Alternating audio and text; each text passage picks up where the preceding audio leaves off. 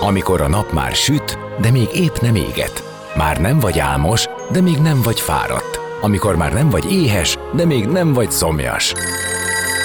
Ö, nem rosszkor? Pont jókor. Fényterápia Fehér Mariannal a Rádiókafén.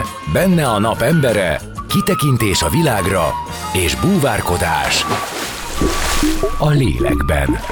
Minden hétköznap délelőtt 10-től délig. Pont jókor!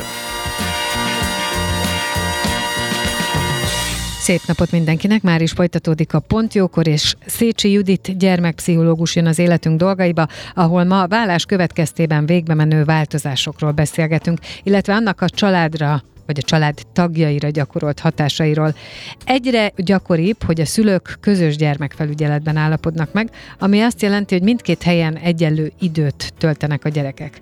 Ez kizárólag a szülők egyetértése esetén valósulhat meg, viszont két különböző lakhelyet és két különböző életmódot jelent a gyerekeknek. Hogyan lehet ebben jól együttműködni, új, közös, mégis egymás nélkülöző a gyerekek érdekeit szolgáló dinamikát létrehozni. Ezekre fogunk kitérni, tehát vendégemmel Szécsi Judit gyermekpszichológus, aki egyébként állandó szakértőnk, zene után már is kezdünk, maradjatok.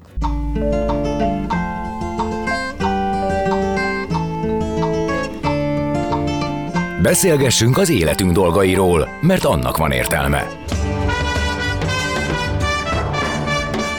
Színház, zene, életstílus, kitekintés a világra és búvárkodás. A lélekben. Pont jókor.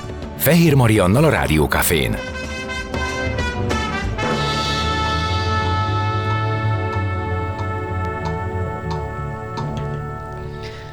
Szép napot mindenkinek! Már is folytatódik a Pontjókor, és vendégem Szécsi Judit, gyermekpszichológus, aki állandó szakértőnk. Szia Judit! Szia!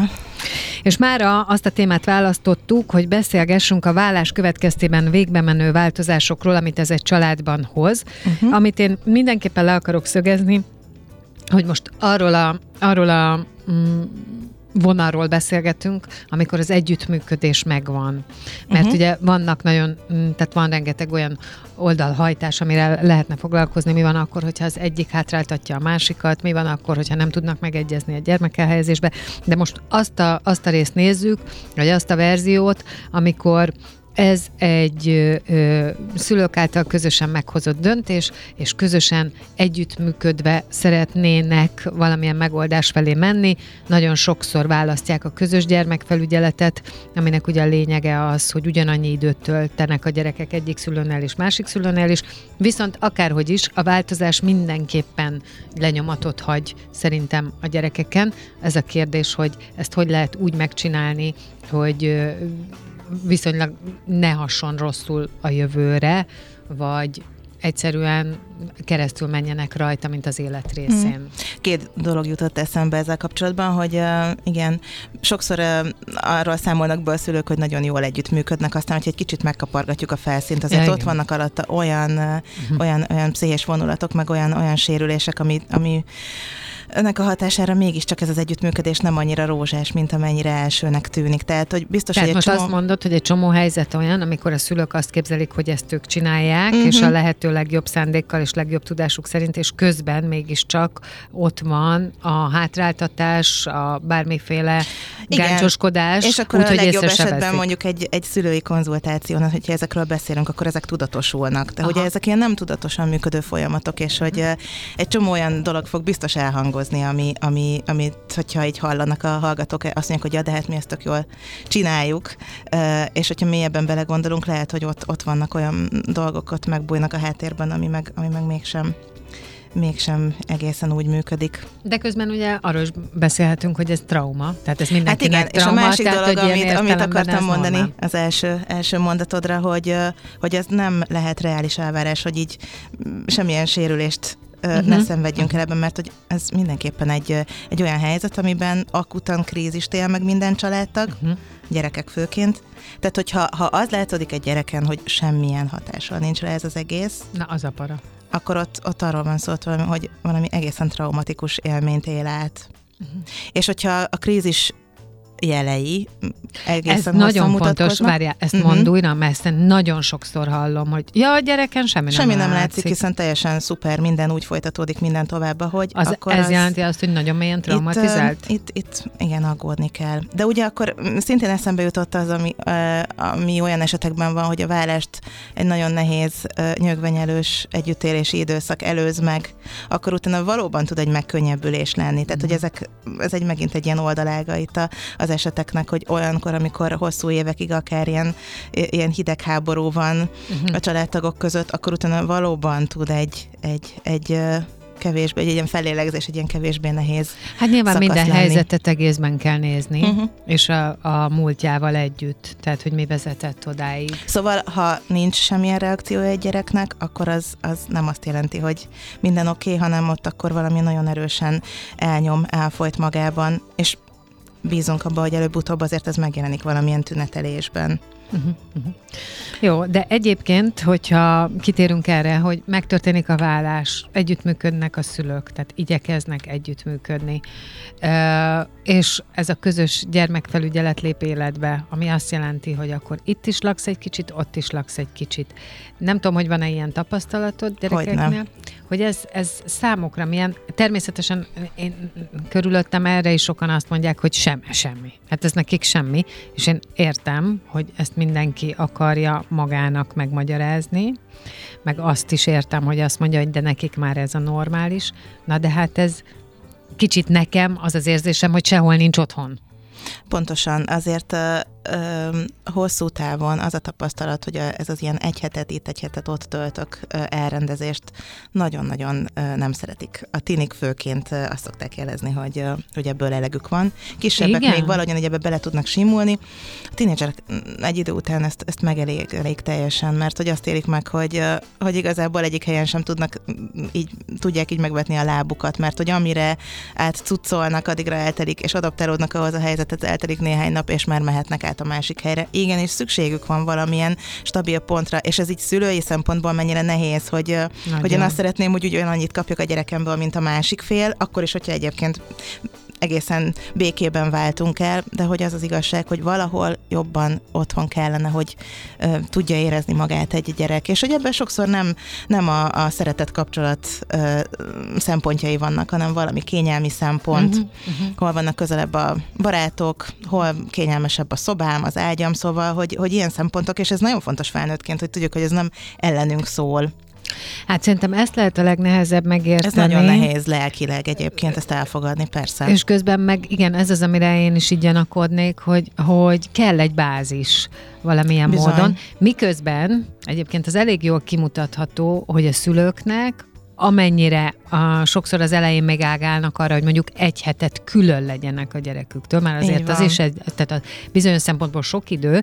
Nekem ö, olyan tapasztalatokról számolnak be barátaim, hogy egészen jól ki lehetett alakítani, hogy akkor erre a hétre teszem a munkának a jelentős részét, erre a hétre teszem azokat a dolgokat, amik számomra nagyon fontosak, és arra a hétre, amikor meg itt van a gyerek, akkor meg sokkal több időt tudok vele tölteni, minőségi időt, tehát akkor, akkor, Pontosan, akkor ő a amiről fontos. mennyit beszéltünk, hogy a, a tinik például mennyire igénylik ezt, hogy minőségi idő legyen együtt, na hát akkor pont így, nyilván az elején tehát, mindenkinek bele kell szokni ebbe. Felnőtteknek ez, ez sokszor uh-huh. ö, jobban átlátható tervezhető, struktúrálható, tehát én értem be, akár lehet, hogy a kapcsolat is sokkal jobb, de akkor azt szem előtt kell tartani, hogy a gyerekeknek nyilván személyiségtől függően, de ez megterhelőbb. Nem univerzális szabályok ezek, amikről beszélünk, uh-huh. minden eset azért egyedi, de hogyha okay. így, ha így, így a nagyobb vonalakat nézzük, előbb-utóbb meg, megelégelik ezt az egyhetezést, át szoktuk ilyenkor beszélni, hogy akkor hogyan lehetne nagyobb egységekben gondolkodni. Van olyan hozzám járó tini, aki meg tudta beszélni a családjával, hogy két hetente váltanak, van, ahol az egyhavi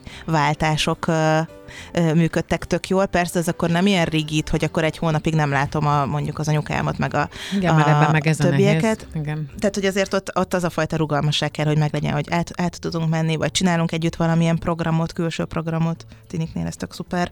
Szóval, hogy hogy, hogy ezek a nagyobb egységek tudnak a későbbiekben jól működni. Kisebbeknél nyilván pedig a kisebb egységek jók, tehát ott is így egy kicsit így egyensúlyozni kell abban, hogy uh-huh. a nagyon rapid váltások egy héten belül nagyon megzavarják őket, de hát azért egy, egy óvisnak sok-sok napot az anyukája nélkül lenni például az nagyon, nagyon nehéz. Tehát, hogy, hogy itt, itt ezt kell mérlegelni, hogy, hogy mind a két szülőből kapjon eleget, de hogy, de hogy ne az legyen, hogy két naponta jönnek-mennek.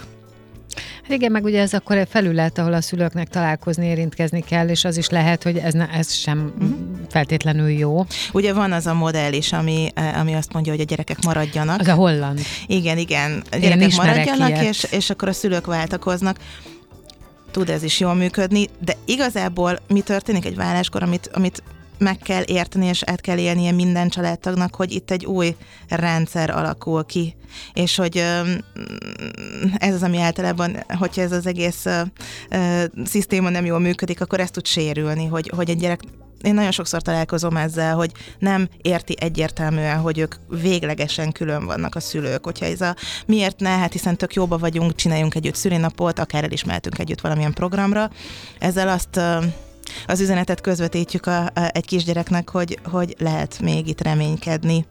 Anya meg az apa lehet, hogy a jövőben majd valamikor összejön még, nehezebben tud akkor utána beilleszkedni a a, a két külön családba az a kisgyerek, tehát hogy mm, jobbat teszünk azzal, hogyha egyértelműbbé válnak ezek a határok, hogy akkor van az anyának egy élete, az apának egy élete, és ezekben mozoghat, de mellette majd ezt is biztos egy ö, érintőlegesen átbeszéljük ma, hogy, ö, hogy mi az, ami meg segít egy gyereknek érzelmileg, az, hogyha mindezzel együtt, hogy egyértelmű lett a különvállás, azt látja, hogy anya meg az apa, hogyha egy légtérben van, képesek egymással feszültségmentesen, nyugodtan kommunikálni. Tehát, ez a kettő egyszer egyszerre kellene, hogy, me, hogy megvalósuljon baromi nehéz dolgokról beszélünk, tehát hogy érzelmileg akkor Persze. is, hogyha relatív békében vált el a két ember, ugye ott csomó új élethelyzet jöhet, új pár, családalapítás, szóval számos dolog bejön, amitől nehézé tudnak válni ezek a találkozások, de az egy teljesen ö, jó feloldozása a gyerekekbe levő lojalitás konfliktusnak, hogy ha látom, hogy nekem nem kell lobbiznom, mert hogy anyám az apa képes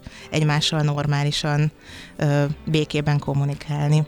Igen, nekem is most az jutott eszembe, még hogyha visszatérünk a mondandó uh-huh. elejére, hogy tini korban van ez, hogy ö, ö, zavaró neki az, hogy hetente kell helyet változtatni, ahhoz feltehetően össze kell gyűjteni az ő bátorságát ahhoz, hogy ezt közölje a szüleivel, hát, hogy neki abszolút. ez nem jó. Tehát abszolút. innen indul, mert igen, akkor, akkor az hajlamosít arra, hogy a szülő feltegye a kérdést, hogy miért mi a baj nálam, miért kényelmesebb ott, miért jobb ott, persze, mert. Szóval, hogy ezek a, ezek a felnőtt játszmázások akkor bejönnek, és sokszor szerintem a gyerekek igyekeznek ezt elkerülni, és lehet, hogy inkább háttérbe szorítják a saját igényeiket. Ez is megtörténhet, vagy az a másik, amit szintén gyakran tapasztalok, hogy egy idő után sehol nem jó. Tehát egyik helyen sem De jó. ezért? Mert hogy azt érzi, hogy, hogy úgy, úgy diszkomfort, összeveszik, akkor menj a, menj a apádhoz, menj anyádhoz, akkor már ott is feszült. Nyilván a mm. tinik általában úgy küzdenek meg a mindenféle feszültséggel, hogy begubóznak, vagy, vagy elhúznak otthonról, és akkor mm-hmm. mit látok, hogy valahogyan úgy teljesen elzárkózik, még ha elvileg azt mondta két hete, hogy nálam szeretne jobban lenni, de hogy itt sem jó neki, és akkor mindenhol azt éli meg, hogy, hogy harc van, és akkor ilyenkor teljesen ilyen ilyen elkerülő viselkedés erősödik meg, szóval, hogy hogy hagyni, hagyni kell, hogy ahol ő jól érzi magát, ott úgy, úgy tudjon lenni, és akkor utána biztos, hogy fog nyitni és, és kapcsolódni, és kell örülni annak is, hogyha elhív egy moziba, vagy, vagy, vagy sétálni.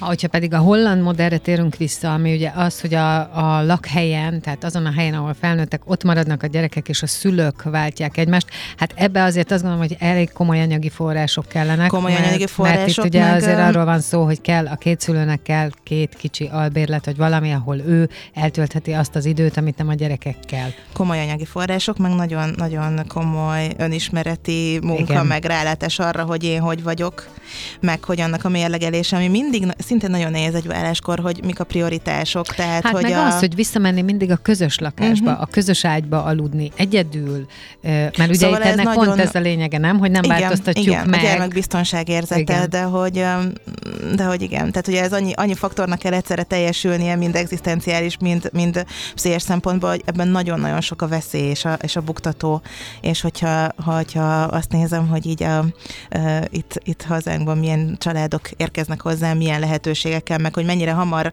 megtörténik az új családalapítás már, vagy párkapcsolatok, vagy, Mert hogy ez gyors. vagy a, Hát nagyon sokszor nagyon gyorsan megtörténik ez, igen. Tehát, hogy már, már úgy érkezik valaki, hogy már neki is vannak gyerekei, így érkezik bele a párkapcsolatba, tehát, hogy nagyon sok patchwork család van, akkor, akkor az így látható, hogy ez a fajta modell mennyire kivitelezhetetlen. Én egy családot ismerek, akik ezt megcsinálták, és ez olyan nagyon szép volt, mert hogy pont az volt a lényege, hogy ezzel, hogy mindenki, ott tudták biztosítani ezt, hogy mindenkinek van egy hely, ahova elmegy, amikor nem ő a soros a gyerekekkel, és nem ő megy haza az egykori közös házba. Ezzel ugye mindenki ki lett a komfortzónájából ö, pakolva, tehát mindenki kénytelen volt abban az időben, amikor külön vannak szembenézni magával, és ők úgy csinálták, hogy az egy évet, tehát kvázi uh-huh. a gyászévet. Tehát volt ennek egy meghatározott uh-huh. vége, hogy meddig csinálják, hogy a gyászévet így töltik. És akkor ebben benne volt ugye a házasságnak az elgyászolása, a közös család elgyászolása, de közben mégiscsak működött a gyerekekkel az, hogy váltakozva ugyan, de ott vagyunk. És aztán egy év után számolták fel a régi lakást, és akkor így vezették át a gyerekeket egy másfajta életbe. Nagyon-nagyon tudatosnak kell lenni, nagyon melós. tudatosan, és nagyon-nagyon sok energiát igényel ez. És amit én még ebbe láttam, és nagyon felnéztem rájuk, hogy nagyon sok volt benne a megbocsájtás, hogy, hogy végignézték, hogy mi az, amit elrontottunk, mi az, amit közösen rontottunk el, mi az, amit külön-külön, és azzal, hogy tudjuk, hogy nem visszacsinálható, de mégiscsak feloldották ezeket a dolgokat.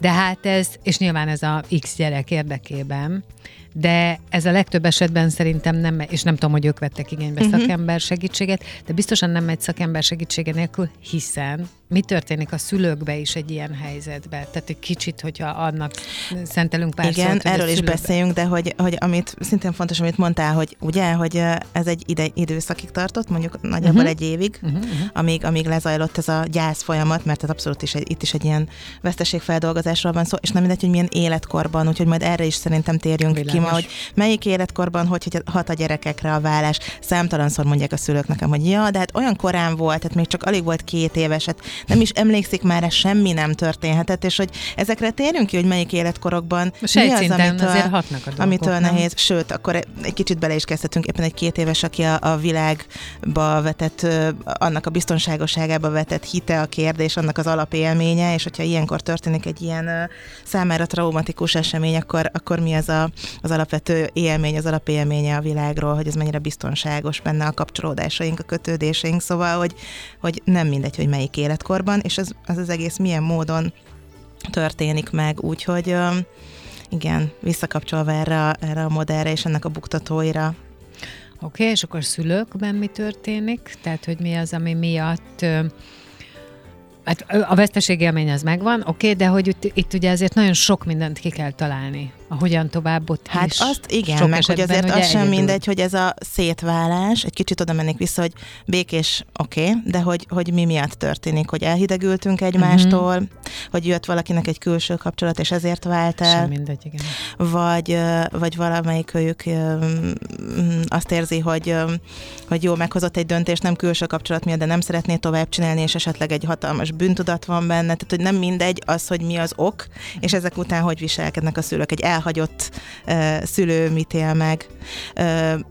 Végig is vehetjük ezeket. Például az, az egy, egy általános tendencia, hogy azokban az esetekben, amikor mondjuk valaki egy külső kapcsolat miatt így mm, hirtelen ö, dönt a vállás mellett, akkor a későbbiekben a saját negatív érzései miatt túl kompenzál a, a, a gyermekénél, és hogy növeszti benne kicsit ezt az ilyen mindenhatóság, omnipotencia érzést, nem tudom miért dadogok, bocsánat, ö, és hogy és hogy ez, ez nagyon nehézé teszi a, a, a nevelést, hiszen akkor ugye itt az, fontos lenne az egységfront abban, hogy valami fajta hasonló keretrendszert adjunk a gyerekünknek, de hogyha mondjuk az egyik fél azt éli meg, hogy hogy, hogy kompenzálnia kell azt, hogy elhagyta a családját, uh-huh. csalódást okozott a gyerekének, és ez, ezáltal tényleg nem egy tudatos módon, de egy a bűntudatából így nagyon ö, sokszor lazább kereteket ad, vagy kényezteti a gyerekét, akkor ezzel nehezíti végső soron a helyzetét, mert hogy, mert hogy mit él meg az a kisgyerek, hogy nem értem, hogy az egyik helyen ö, valami lazább, könnyedebb, oldottabb hangulat van, a másik helyen nyilvánvalóan akkor annál inkább rigidebbek lesznek a szabályok, szóval, hogy ezzel tényleg ezt a egyébként nagyon erős szorongást, amellett pedig ezt az ilyen mindenhatóság érzést is, is táplálja a gyerekében a, az a fél, aki esetleg így viselkedik, akkor mi történhet még a, egy el, elhagyott, megcsalt elhagyatott szülőnél? Ugye ott a saját negatív érzések miatt nagyon sokszor megtörténik, amiről emlékszem, hogy beszéltünk már valamelyik korábbi adásban, hogy beemelődik az akárhány éves gyerek egy szülői szerepbe, vagy élettársi szerepbe. Partner lesz belőle, igen, Partnerével elég parentifikálódik, és akkor ott ott, ott megint nagyon nehéz dolgok történhetnek. Akár egy ovis is válhat ilyen. Látom, hogy anya vagy apa nagyon Igen. logatja az orrát, szomorkodik, odaülök mellé, kézen fogható dolog az, hogy akkor elkezd a szülő valamiről beszélni neki, hogy mi van vele, esetleg olyan dolgokat, nagyon könnyen belecsúszhatunk ilyenekbe, olyan dolgokat osztok meg a, a, a gyerekemmel, ami abszolút nem rá tartozik, mert hogy sem az életkora, sem a, hát a szerepe a családban nem. A másik szülőről alkotott És akkor képet. innentől mi történik utána, akkor az, az a gyerek összezavarodik, beindul az, amiről szintén beszéltünk, az a lojalitás konfliktus, hogy tudok mind a két szülőmmel jó fej lenni, és felé lojális úgy, hogy a másikat azzal ne csalassam meg. Ez borzasztóan nehéz, iszonyatos teher egy gyereken, hogy akkor így, hogy legyen, hogy mind a két felé tudjak, tudjak tényleg szeretettel élni, úgyhogy a másikat ne áruljam el. Hát erre a válasz az, amiről szintén beszéltünk most az elején, hogy, hogy azt lássa, tehát tapasztalja meg a saját bőrén, hogy anya meg az apa képes egy légtérben lenni, és egymással kulturáltan néhány mondatot váltani. Ez a feloldozás ebben. Igen, meg hogy ez nem az ő feladata, és nem miatta és, és el is lehet mondani azt is, hogy, hogy szeretheted mondjuk anyát, vagy apát, meg az új párját, meg a gyerekeit, meg a bárkit is, az engem nem zavar. Persze ezekről megint álszentség volna azt mondani, hogy olyan könnyű ezeket megtenni. Hát, hogy ne. Borzasztóan nehéz, de hogy ezek a mondatok azok, amik segítenek egy gyereknek abba, hogy, hogy így, így fellélegezzen ebből a, ebből a, a presszióból. Zenélünk, és aztán utána jövünk vissza, és folytatjuk a beszélgetést vendégemmel, Szécsi Judit gyerekpszichológussal. Maradjatok ti is.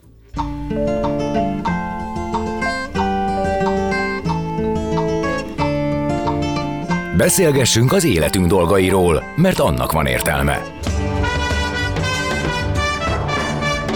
Színház, zene, életstílus, kitekintés a világra és búvárkodás. A lélekben. Pont jókor. Fehér Mariannal a Rádiókafén.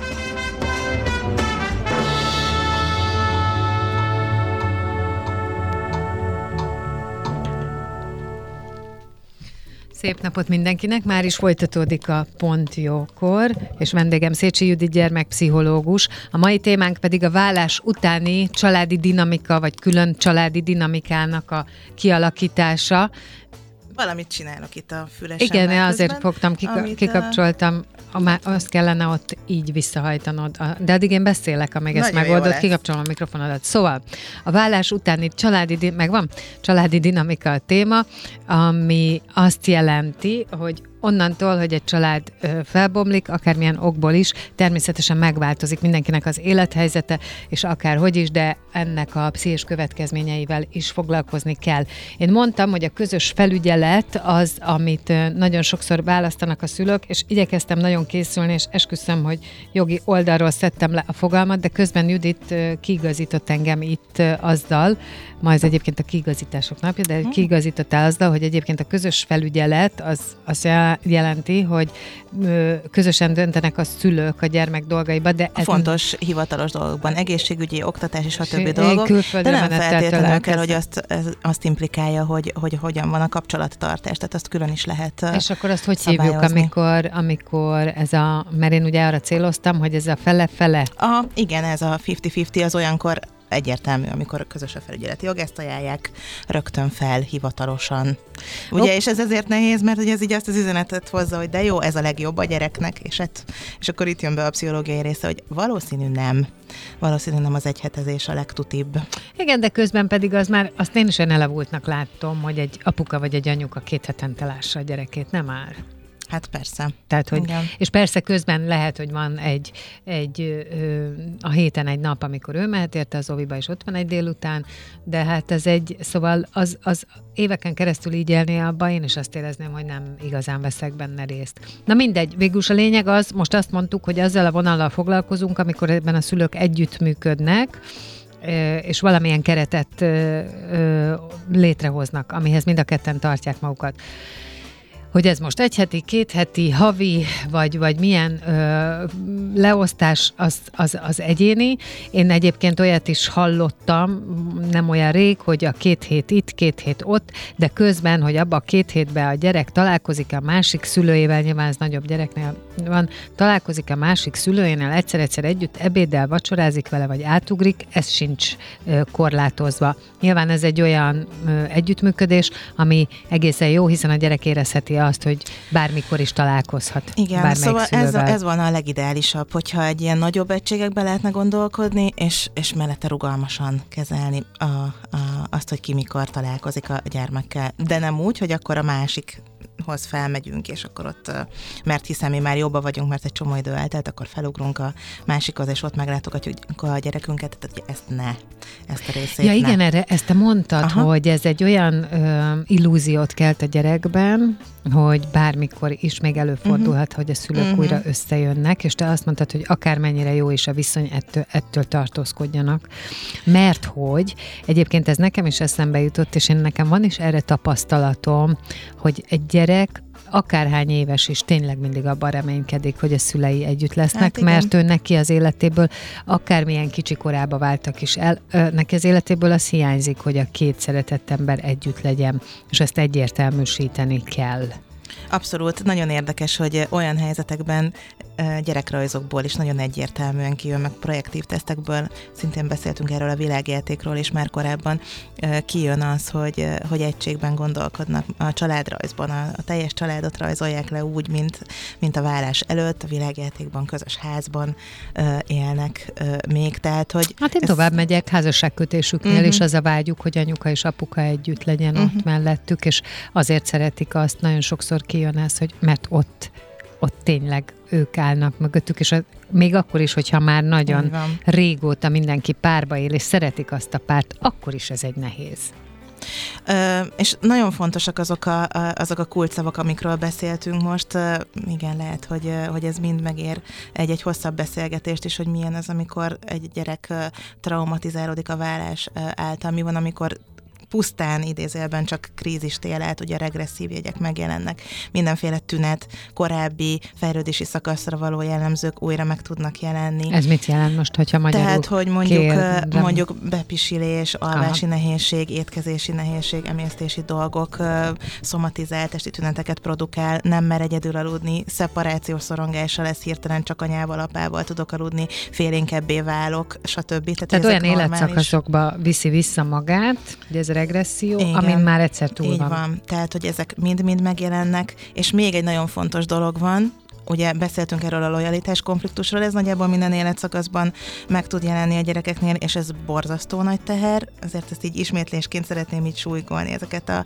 ezeket a kulcs szavakat, és ugyanígy ez a parentifikáció ügye is, hogy arra nagyon érdemes ügyelni, hogy a helyén maradjon a gyerek szerepben a, a, a gyermek, illetve illetve ami még szintén nagyon fontos, hogy főleg, hát körülbelül azért ugye kisiskoláskorig jellemző, itt azért így nem annyira rigidek a határok, hogy, hogy a gyerekek addig, ameddig még így a fantáziavilág és a valóság kevésbé válik szét, addig nagyon sokszor élik meg azt, hogy az ő érzéseik, gondolataik, azok így, azok így valóban valóságát tudnak válni. Ha én dühös vagyok anyára vagy apára, akkor ő akár meg is halhat, megsemmisülhet, stb.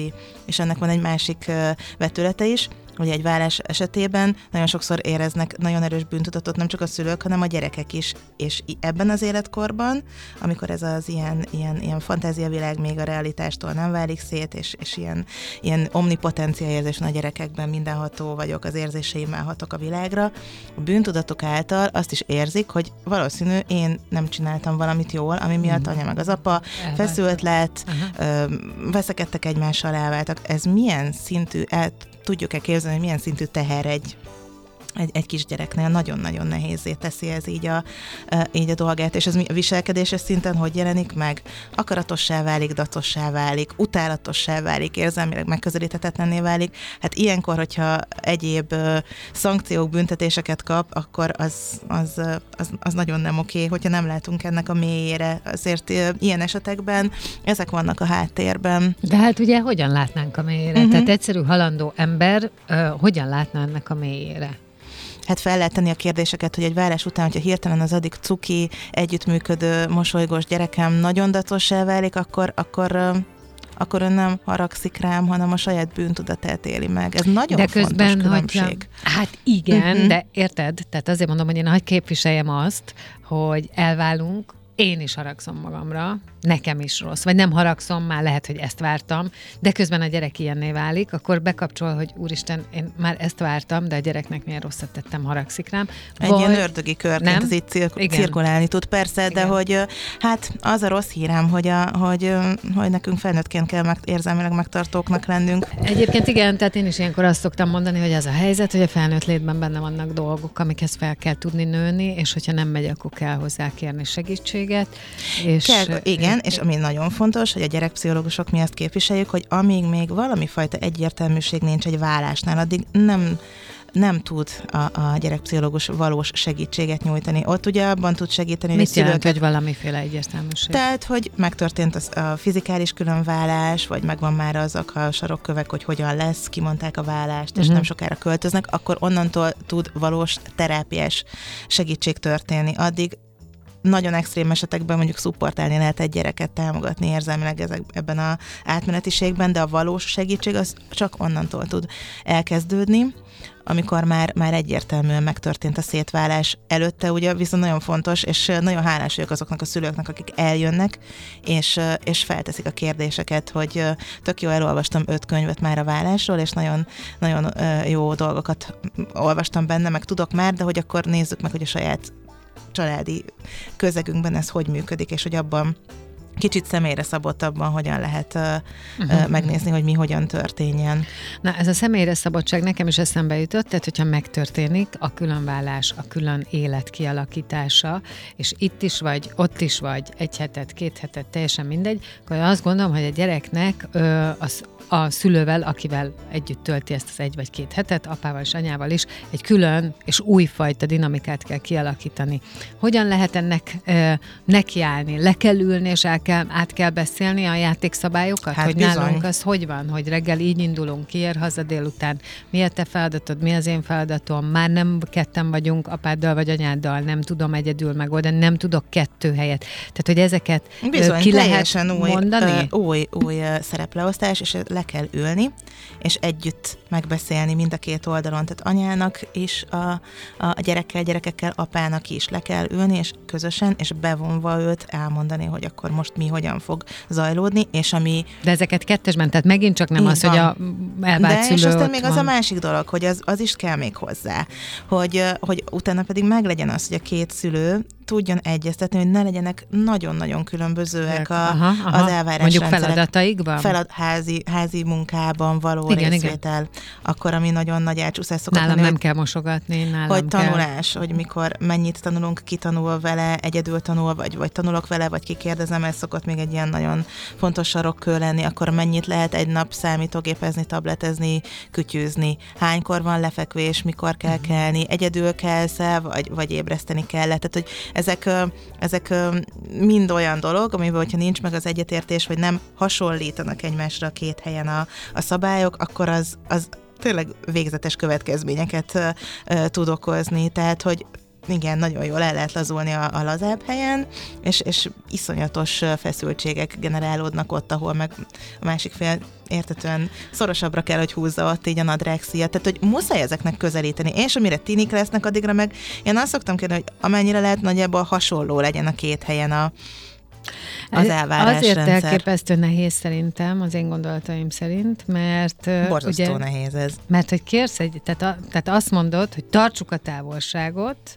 akármilyen jóba is vagyunk, tartsuk a távolságot, közben pedig nagyon is működjünk együtt. Na de hát, hogy mi is történik itt? Hogy... Értem, hát az, hogy elvár. Tehát de elvár. nem csak az, hanem uh, talán erről is beszéltünk már, hogy egy családban mennyiféle szerepben vagyunk, házastársi szerepben, szülői szerepben, és még számtalan más szerepünk is van. A vállással a házastársi szerepet nyisszantjuk szét, a szülői szerepet nem. És hogy ez az, ami nagyon nehéz. Hány házasság megy tönkre azért, mert a szülői szerepről mást gondolunk, hát és nem igen, tudjuk a másikat igen. elviselni, a másik dolgait elviselni, azt, ahogy ő áll a dolgokhoz elviselni. Hány ilyen van? És hogy ugye milyen, ettől milyen nehéz és melós ez a dolog, hogy attól még ez egy örök, örök kapocs marad, szeretnénk ezt teljesen lenyisszenteni. Nem működik. Tehát, hogy az, hogy, hogy eldöntöttük, hogy mi nem beszélünk egymással, majd a, a, majd a, a gyerekünk által kommunikálunk, a fatális hiba. Nem. Tehát, hogy nem, nem, nem használjuk információ átadó, átvivő egységként a, a gyerekeket, az a helyzet, hogy valamilyen módon, legrosszabb esetben e-mailben, de egyébként telefonon egyeztetni, átadáskor, átvételkor, nagyobb eseményekkor, vagy hogyha látok valami fura dolgot, vagy valami extrém dolog történik, erről egymással kommunikálni a szülői szerep, az nem, az nem, nem szétvágható. Egyébként akkor, amikor ez a fajta ö, gyereken, mm, gyerek információs csatorna, vagy a gyereken keresztül zengetünk, akkor látom, hogy egy ponton túl olyan apátiába esik a gyerek, hogy már, már, már, már, már nem, nem, nem zökkenti ki semmi. Szóval ez egy, ez egy teljesen kudarcos uh-huh. próbálkozás a, a megoldásra. És hát itt ugye ebbe a postásságba is annyi minden belevetül, hogy, hogyha mondjuk az, az képzeljünk el egy ilyen helyzetet, hogy, hogy mondjuk egy gyerek nagyon hasonlít valamelyik szülőjére, és akkor annak a megélése, hogy amúgy ő tök olyan, mint a gesztusaiban, a mimikáiban, a hangkordozásában, a hajszínében, a bármiben, mint a, az apukája, akitől nem még váltam el, és mennyire, és akkor így belevetítek, rávetítek olyan feszültségeket, ami valójában nem az övé, nem is neki szól, nagyon sok ö, tényleg önreflexióra, meg ilyen ö, saját működésre való rálátásra van szüksége ahhoz, hogy, hogy tehermentesítsük a gyerekeket. Legalább annyira fontos ez, hogy ezeket lássuk, hogy miket pakolunk a gyerekekre, mint az, hogy, hogy fizikálisan mi hogyan zajlik. Tehát, hogy nem lehet fontosabb az, hogy, hogy tök jó az ágya, meg tök jó a nem tudom én micsoda ott, hanem ezek, hogy ne legyenek ezek az ilyen, ilyen pszichés bőröndök rápakolva a gyerekre. Szerinted van olyan életkor, amikor egy szülő elmondhatja a gyerekének mindezeket? Tehát, hogy leülhetsz vele, és mondhatod azt neki, hogy nekem most nehéz, bár így döntöttünk, de ettől még rossz, és tudod, mert apádra hasonlítasz, ez is bennem kelt egy félreértést, tehát most ezt így nagyon ö, ö, Igen, kis van az az életkor, de, de van ez, amikor meg lehet vele értetni? Meg, meg lehet értetni, sőt az igény is felmerül, ebben az ilyen kisiskoláskor, az a prepubertás, ami szerintem már nagyjából inkább ilyen kistinikor lehet, amikor a gyerekeknek így az igazságosság, amikor így fontosá válik, hogyha belegondolunk, hogy mit csinálnak ők, hogy így a mondj igazat, a szabályok, hogy, hogy kinek mi a szerepe, milyen szabályokat tartunk be, rengeteg szabályjátékot játszanak, stb. Na ilyenkor elkezdődik az az igény is, hogy jó, de amúgy most akkor itt így mi, hogy történt, és elkezdett, hogy ők szeretnék tudni, hogy, hogy, hogy hogyan történtek az események, átlépve a kamaszkorban, ki kell alakuljon az identitásom, értenem kell az addigi narratívát a családról, és akkor ilyenkor nagyon fontos az, hogy kapjanak válaszokat, de nem szabad minden részletekbe menően ezt, és hogy, hogy tök jók azok a beszélgetések, beszélgetések, amikor mind az anya, mind az apa el tudja mondani, hogy, hogy, hogy mik voltak. Nem kell belemenni a, a saját uh, sértettségekben, amennyire lehet, azért így relatíve tárgyilagosan elmondani, hogy mik történtek, és akkor a többi részére meg rá fog érezni ő. Tehát, hogy ha belemegyek abba, hogy és akkor anyád felelőtlen volt, és akkor apád ja, ezt ja, meg azt csinálta, tehát, tehát ez az érzelmi nincs, vonulatok, amik így a saját felnőtt sértettségünkről szólnak, ezeket ne ez tovább összezavarja, stb. De, de magát az eseményeket azt abszolút el lehet mondani, és és egy idő után ebből tényleg a saját történetét megírja egy gyerek. És hogy mi van akkor, hogyha nem kap választ? Mi van itt a tinikorban? Ugye ez a identitás vagy szerep mm-hmm. diffúzió, tehát hogy ahhoz, hogy önnek az identitása kialakuljon, ahhoz, ahhoz értenie kell, hogy az elmúlt x 15-16-18 éveben mi történt vele. De hát nem kap egyébként, akkor mit, milyen, mit tud vele lenni? Milyen magatartásformák hát, következnek? Na, nagyon sokszor, vagy egy ilyen, ilyen teljesen uh, szociálisan szorongóvá Szorongó. tud válni egy gyerek, vagy, vagy rendkívül ilyen uh, a párkapcsolataiban, vagy baráti kapcsolataiban bizalmatlan, uh, baráti társaságokban össze-vissza uh, bóklászó, nagyon sok párkapcsolatot kipróbáló, uh, egy ilyen alapvetően bizalmatlan és, és útkereső valaki, aki nehezen tud elköteleződni abban is, hogy mi leszek, ha nagy leszek, tudom-e, hogy mik az én értékeim, tehát hogy egy ilyen, ilyen, ilyen minden önmagában és a világban is bizalmatlan valakivé tud válni. Jó, hát ez egy nagyon nehéz téma, én azt gondolom, viszont az időnk lejárt, uh-huh. úgyhogy amit én tudok harsogni, és szoktam is, a beszélgetni, beszélgetni, beszélgetni, Így meghallgatni, van. kérdezni, válaszolni, elmondani, és hogyha ez nem megy, akkor szakember segítségét kérni, aki segít arra, hogy ez menjen, vagy legyen közvetítés, mert egyszerűen tényleg azt érzékelem, hogy, hogy ez a kulcsa mindennek, hogy tudunk-e normálisan beszélni partneri viszonyba. Így van. Köszönöm, hogy itt voltál. Én is nagyon szépen köszönöm. A hallgatóknak meg a figyelmet, holnap 10 órakor jövök friss adással, addig is maradjatok itt a Rádió Cafén. Szép napot mindenkinek, sziasztok!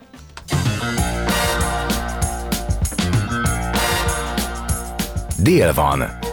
Pont jókor. Azaz most ér véget Fehér Maria műsora. De minden hétköznap tízkor gyertek, a cipőt sem kell levennetek, csak ha akarjátok.